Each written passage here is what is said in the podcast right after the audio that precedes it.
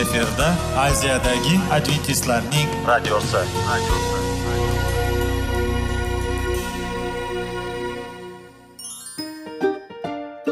assalomu alaykum aziz radio tinglovchilar. Sog'liq daqiqasi rubrikasiga xush kelibsiz. Zero tananing sog'lom bo'lishi va uning kasalliklardan saqlash har bir insonning burchi hisoblanadi. Inson uchun bebaho boylik bu sog'liq salomatlikdir. Uni asrash esa har birimizga omonat qilib berilgan. Shuning uchun ham inson o'z sog'lig'ini ehtiyot qilishi voajib amallardan hisoblanadi. Dono xalqimiz sog'liq tuman boylik deb bejiz aytmagan. Aql idroq sohibi bo'lgan inson o'z hayotini qadrlashi lozim bo'ladi. Hozirgi kunda qanchalik dori darmonlar ko'paymasin tibbiy muassa sifati shifokorlar vasiyasi tibbiy texnika yaxshilanmasin. Agar insonning o'z salomatligi haqida qayg'urmasa kutilgan natijaga erishib bo'lmaydi va biz sizlarga bizning dasturimizga xush kelibsiz deymiz.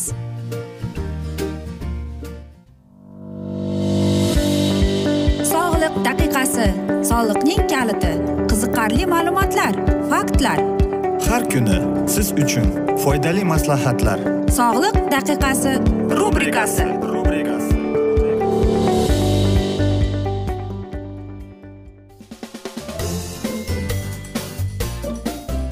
assalomu alaykum aziz radio tinglovchilar.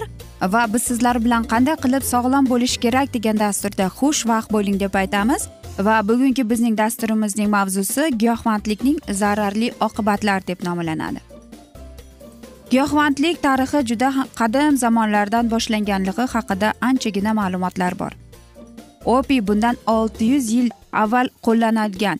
Uning uxlatuvchanlik ta'siri eramizdan o'n sakkizinchi asrda o'rta dengiz xalqlariga ma'lum bo'lgan. Eramizdan oldin yashagan tabobatning otasi gipokrat opiyni kasalliklarni davolash maqsadida qo'llagan. Eramizdagi avval oltinchi asrda aleksandr makedonskiy kuknori o'simligini janubiy osiyoga keltirgan. Opiydan tayyorlangan eritma laudanomon deb nomlangan. Bu eritma yo'tal ichburuq uyqusizlik og'riq qon ketish ozib ketish quvvatsizlikka qo'llanilgan. Qadimda opiy tabobatda keyin qo'llanilib kelgan. O'n ikkinchi asrning ikkinchi yarmidan boshlab giyohvand preparatlar murakkab jarrohlik ishlarida qo'llanilgan. Jarrohlik operatsiyadan so'ng og'riq qoldirish uchun bemorga opiy berilgan.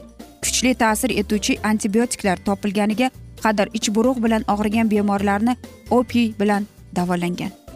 Giyohvandlik ortib borishi munosabati bilan davolash muassasalarini giyohvand moddalar bilan ta'minlash borgan sari kamayib bormoqda. O'n ikkinchi asrning boshlarida germaniyada fridrix sertuner va fransiyada arman segen birinchi marta morfiy preparatini oladilar.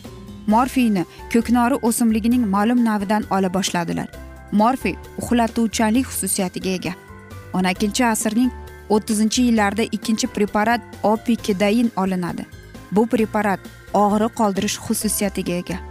Vaqt o'tgani bilan opiy va uning preparatlari yevropada keng tarqala boshladi.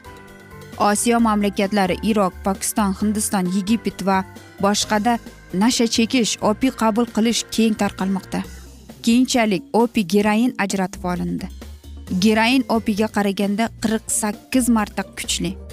Ko'pgina kapitalistik mamlakatlar giyohvand moddalarni tabobatda qo'llash o'rniga uni qimmatga sotish afzal ko'radilar.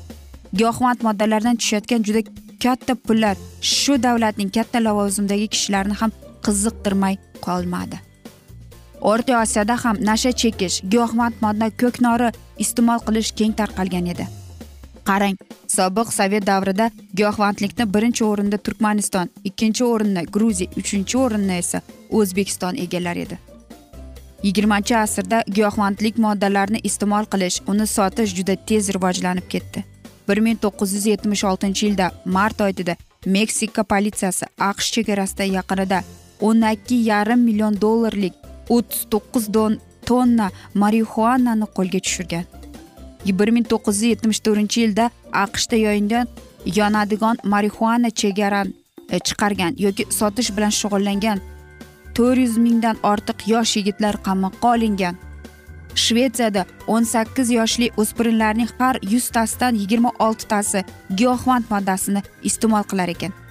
Aqshdagi giyohvandlarning qirq to'qqiz ming ikki yuztasi geroin qabul qilar ekan.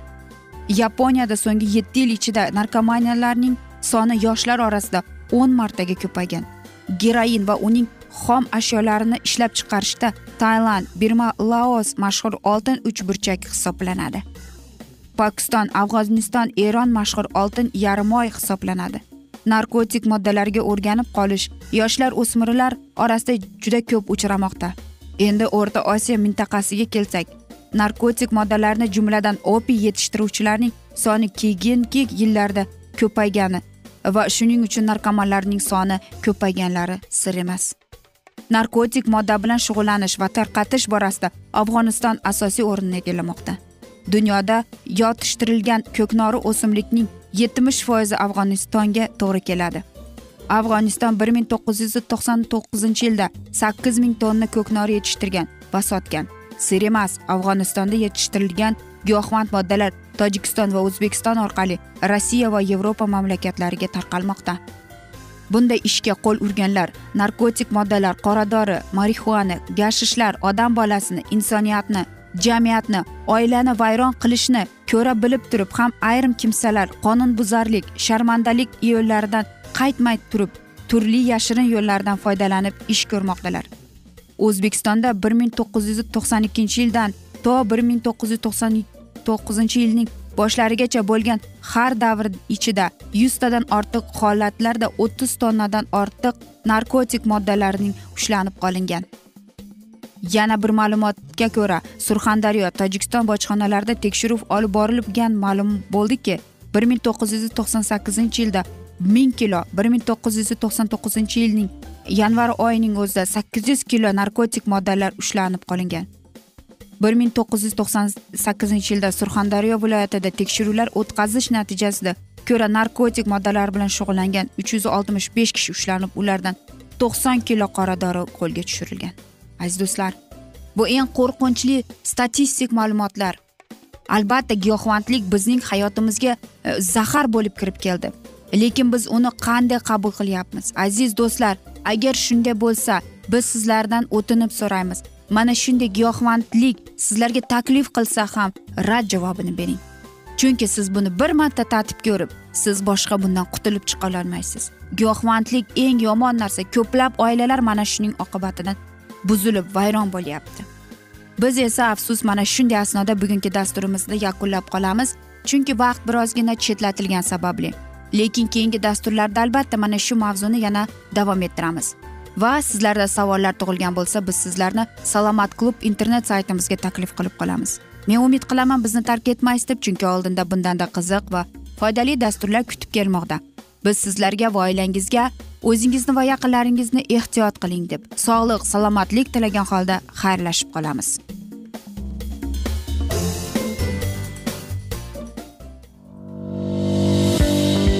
Sog'liq daqiqasi soliqning kaliti. Qiziqarli ma'lumotlar faktlar. Har kuni siz uchun foydali maslahatlar. Sog'liq daqiqasi rubrikasi.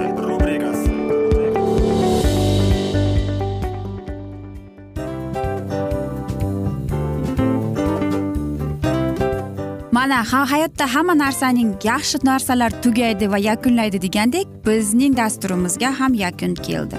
O'ylaymanki bizning dasturimiz sizga foydali bo'ldi deb aziz radio tinglovchimiz. Va siz o'zingiz uchun kerakli xulosalar kerakli maslahatlar olib oldingiz. Aziz radio tinglovchimiz biz bilan qoling va keyingi dasturlarimiz albatta undanda qiziqroq bo'ladi. Mana shu alfozda sizlar bilan xayrlashib qolaman.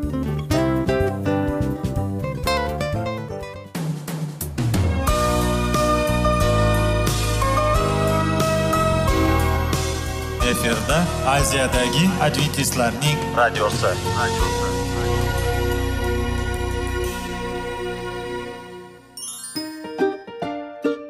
Assalomu alaykum aziz radio tinglovchilarimiz. Dil izhori dasturimizga xush kelibsiz. Pul insonni baxtli qiladimi? Albatta yo'q. Sog'liqchi. Albatta bo'lishi mumkindir.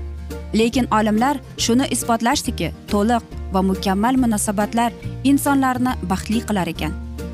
Albatta biz hayot davomida biz yaqin insonlar bilan odamlar bilan aloqada bo'lamiz va ular bilan munosabatlarimiz qanday kechadi qanday tuziladi?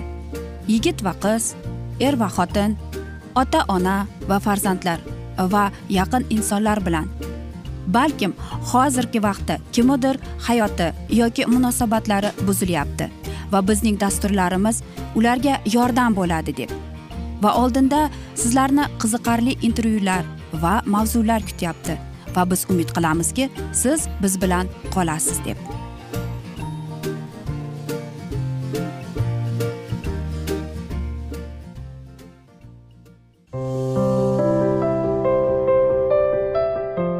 Kuni har xil kasbdagi odamlar bilan sirlashish va bo'lishish sevgi rashq munosabat bularni hammasi dil izhori rubrikasida.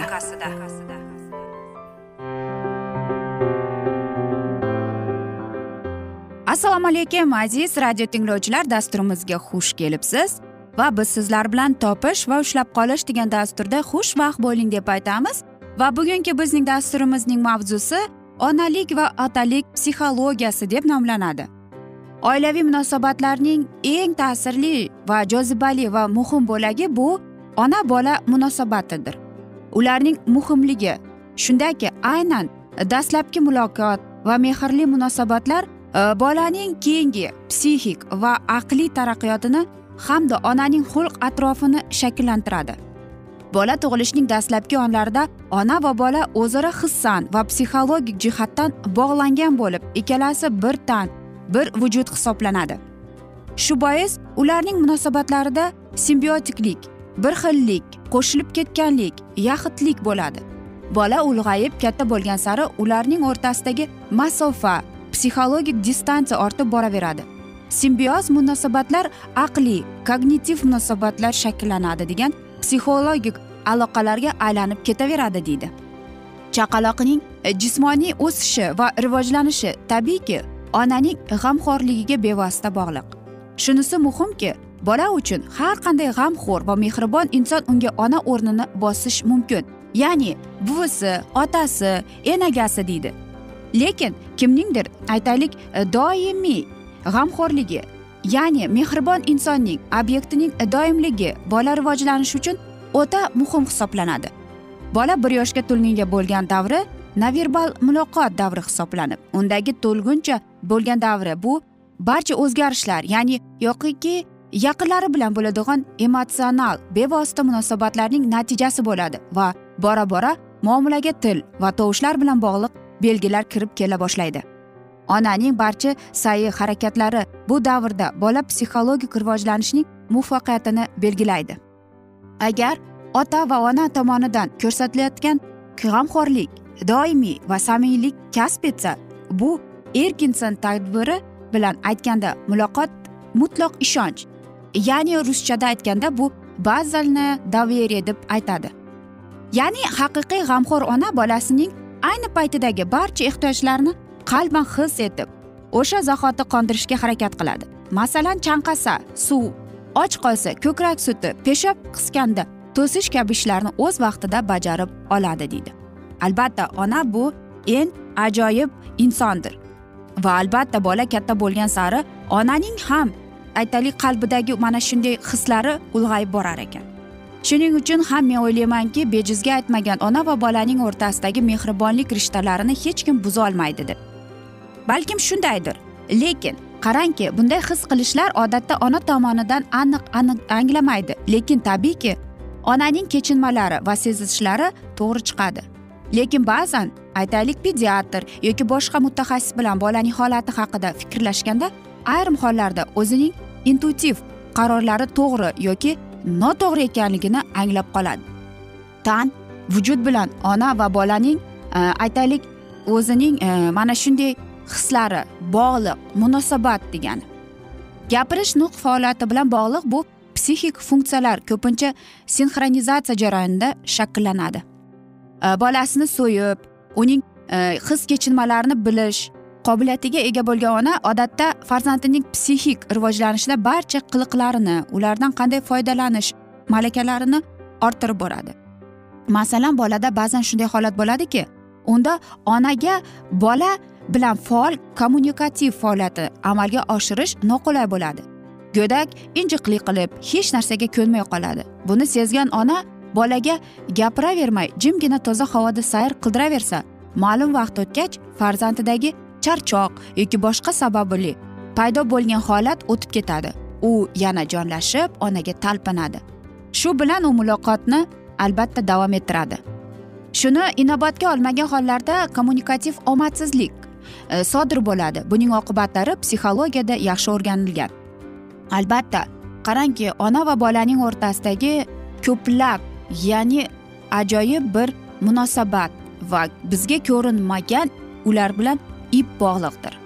Olamni ona orqali bilishga imkon beruvchi bu psixologik holatlardan yana biri bu hissiy emotsional bog'liqliklardir ingliz psixiatri Э, jon boulbi tomonidan ishlab chiqilgan turli hayotiy vaziyatlarda ona bola munosabatlari inford degan olima tomonidan tekshirilgan emotsional bog'lanqlik nazariyasi odatda yetti oylikdan keyingi bolaning onaga vujudga bog'lanib qolishi va shu orqali bola uchun muhim psixologik rivojlanishlar ro'y berishini isbotlagan.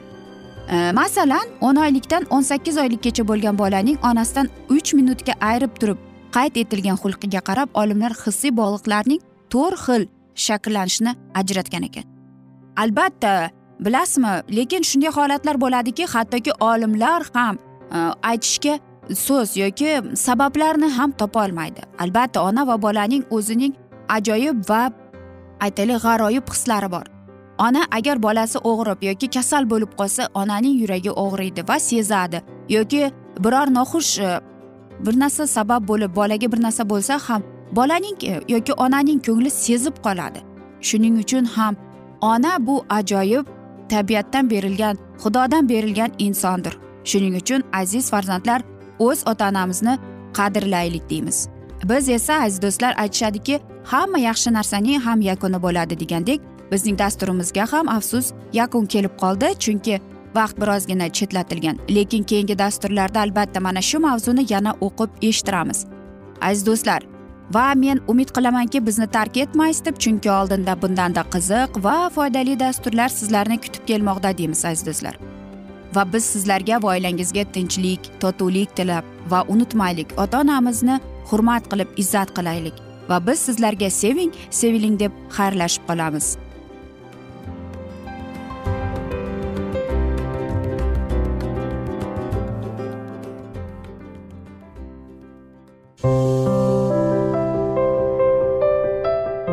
Har kuni har xil kasbdagi odamlar bilan sirlashish va bo'lishish sevgi rashq munosabat bularni hammasi dil izhori rubrikasida. Mana aziz radio tinglovchimiz bizning go'zal va foydali va chiroyli dasturimiz yakunlanib bormoqda. Sizlarga birozgina maslahat berib o'tmoqchi edik. Bir biringizni seving. Qadringizga yeting. Va erkalang albatta bir biringizni va sizga judayam chiroyli va mustahkam munosabatlar tilab qolamiz albatta. Sevgilingiz doimo yoningizda bo'lsin.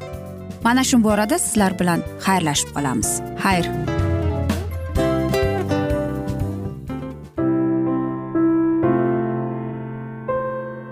Hayotning noni. Qiziqtirgan savollar va javoblar. Buning hammasi ko'ngil uchun oziqa rubrikasida.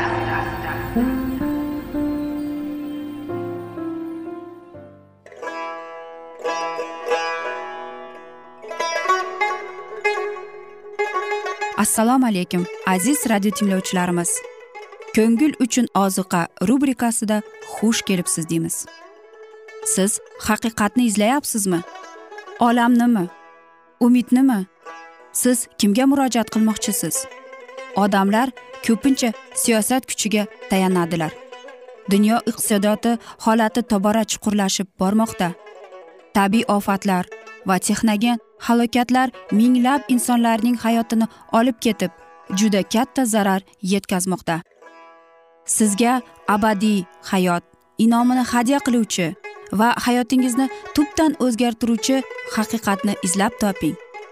Xudo haqidagi haqiqat uning kalomida mujassamlashgan. Kimki bu haqiqatni butun qalbi bilan izlasa albatta unga yetishadi. Bu sevgi xudoning tarixidir. Hayotingizda yoki sizning yon atrofingizdagi olamda nimalar yuz berishidan qat'iy nazar? Siz ertagi kunga buyuk umid va ishonch hosil qilishingiz mumkin. Hozirda xudo sizga taklif qilayotgan umid ishonchga o'z qalbingizni oching va sizni qiziqtirayotgan mavzularni savollaringizga javoblaringizni topib olasiz deb umid qilamiz. Biz bilan qoling.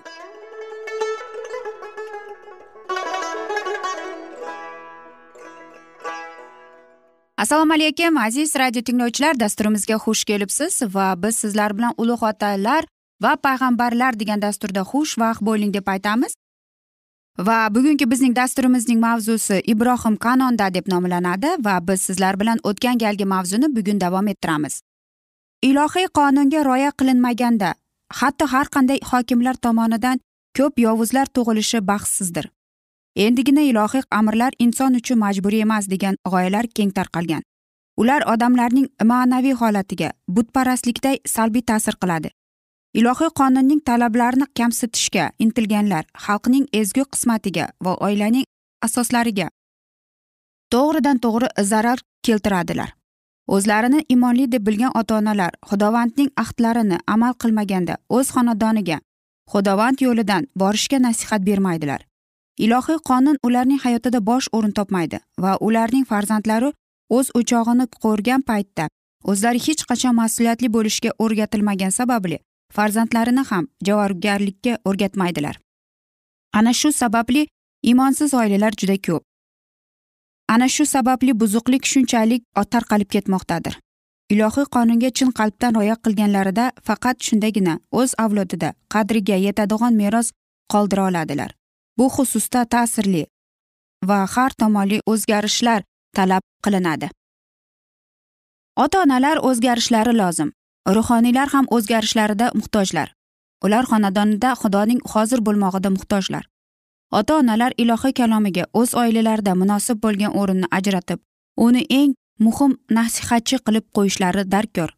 Muqaddas yozuvlar xudoning ovozi ularning sahifalaridan parvardigori olam bizlarga murojaat qilmoqda. Shuni e'tiborga olib xudoning kalomiga so'zsiz bo'ysunish kerakligini farzandlar ko'ngliga doimo solib turish kerak. Ular ham o'z farzandlarini chidamlik bilan o'rgatishlari kerak. Xudoga manzur bo'lmoq uchun qanday hayot kechirish kerakligiga diqqat e'tiborni tortmog'i lozim. Shunday oilada tarbiyalangan farzandlar har qanday ateistik ta'limot bilan uchrashishga tayyor bo'ladilar. Zero muqaddas kitob bilan ularning iymonining asosi bo'lib ular skeptizm to'lqinlari vayron qilolmaydigan poydevorga ega bo'ladilar.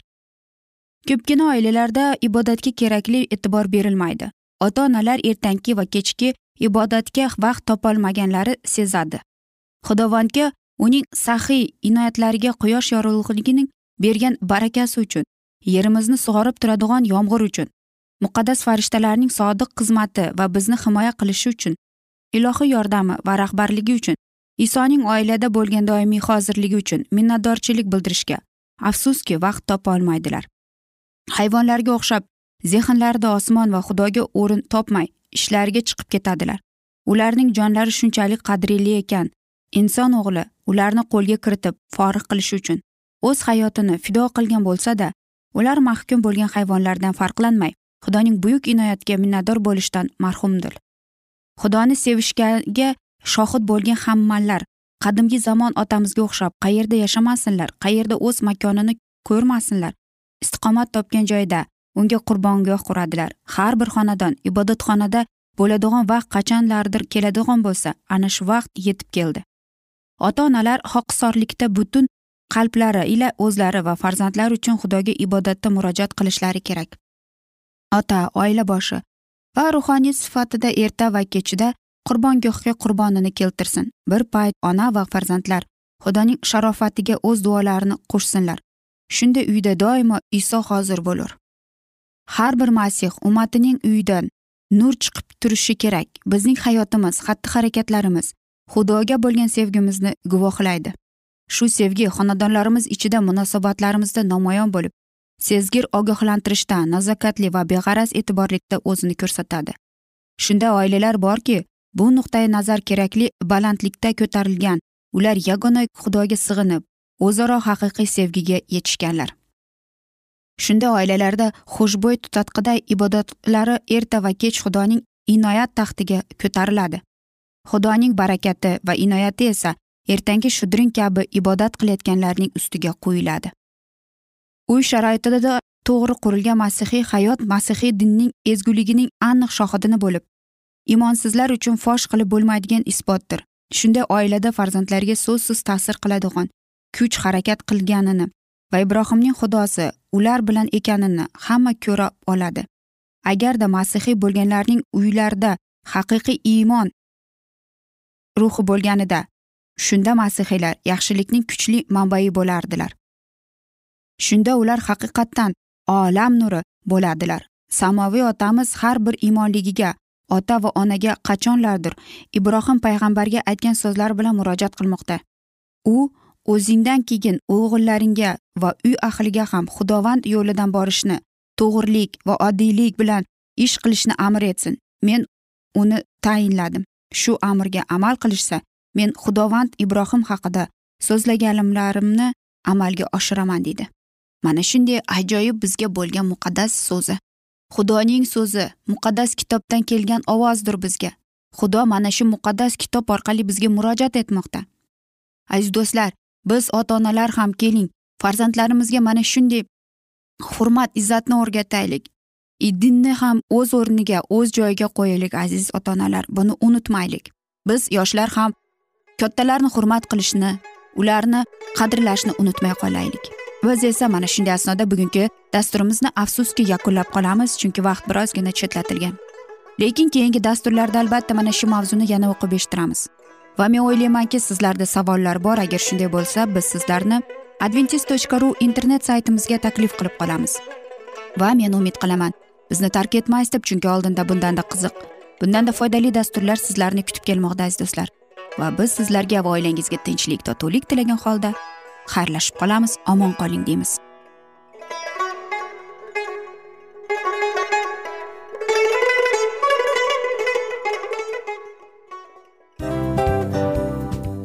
Afsus afsus.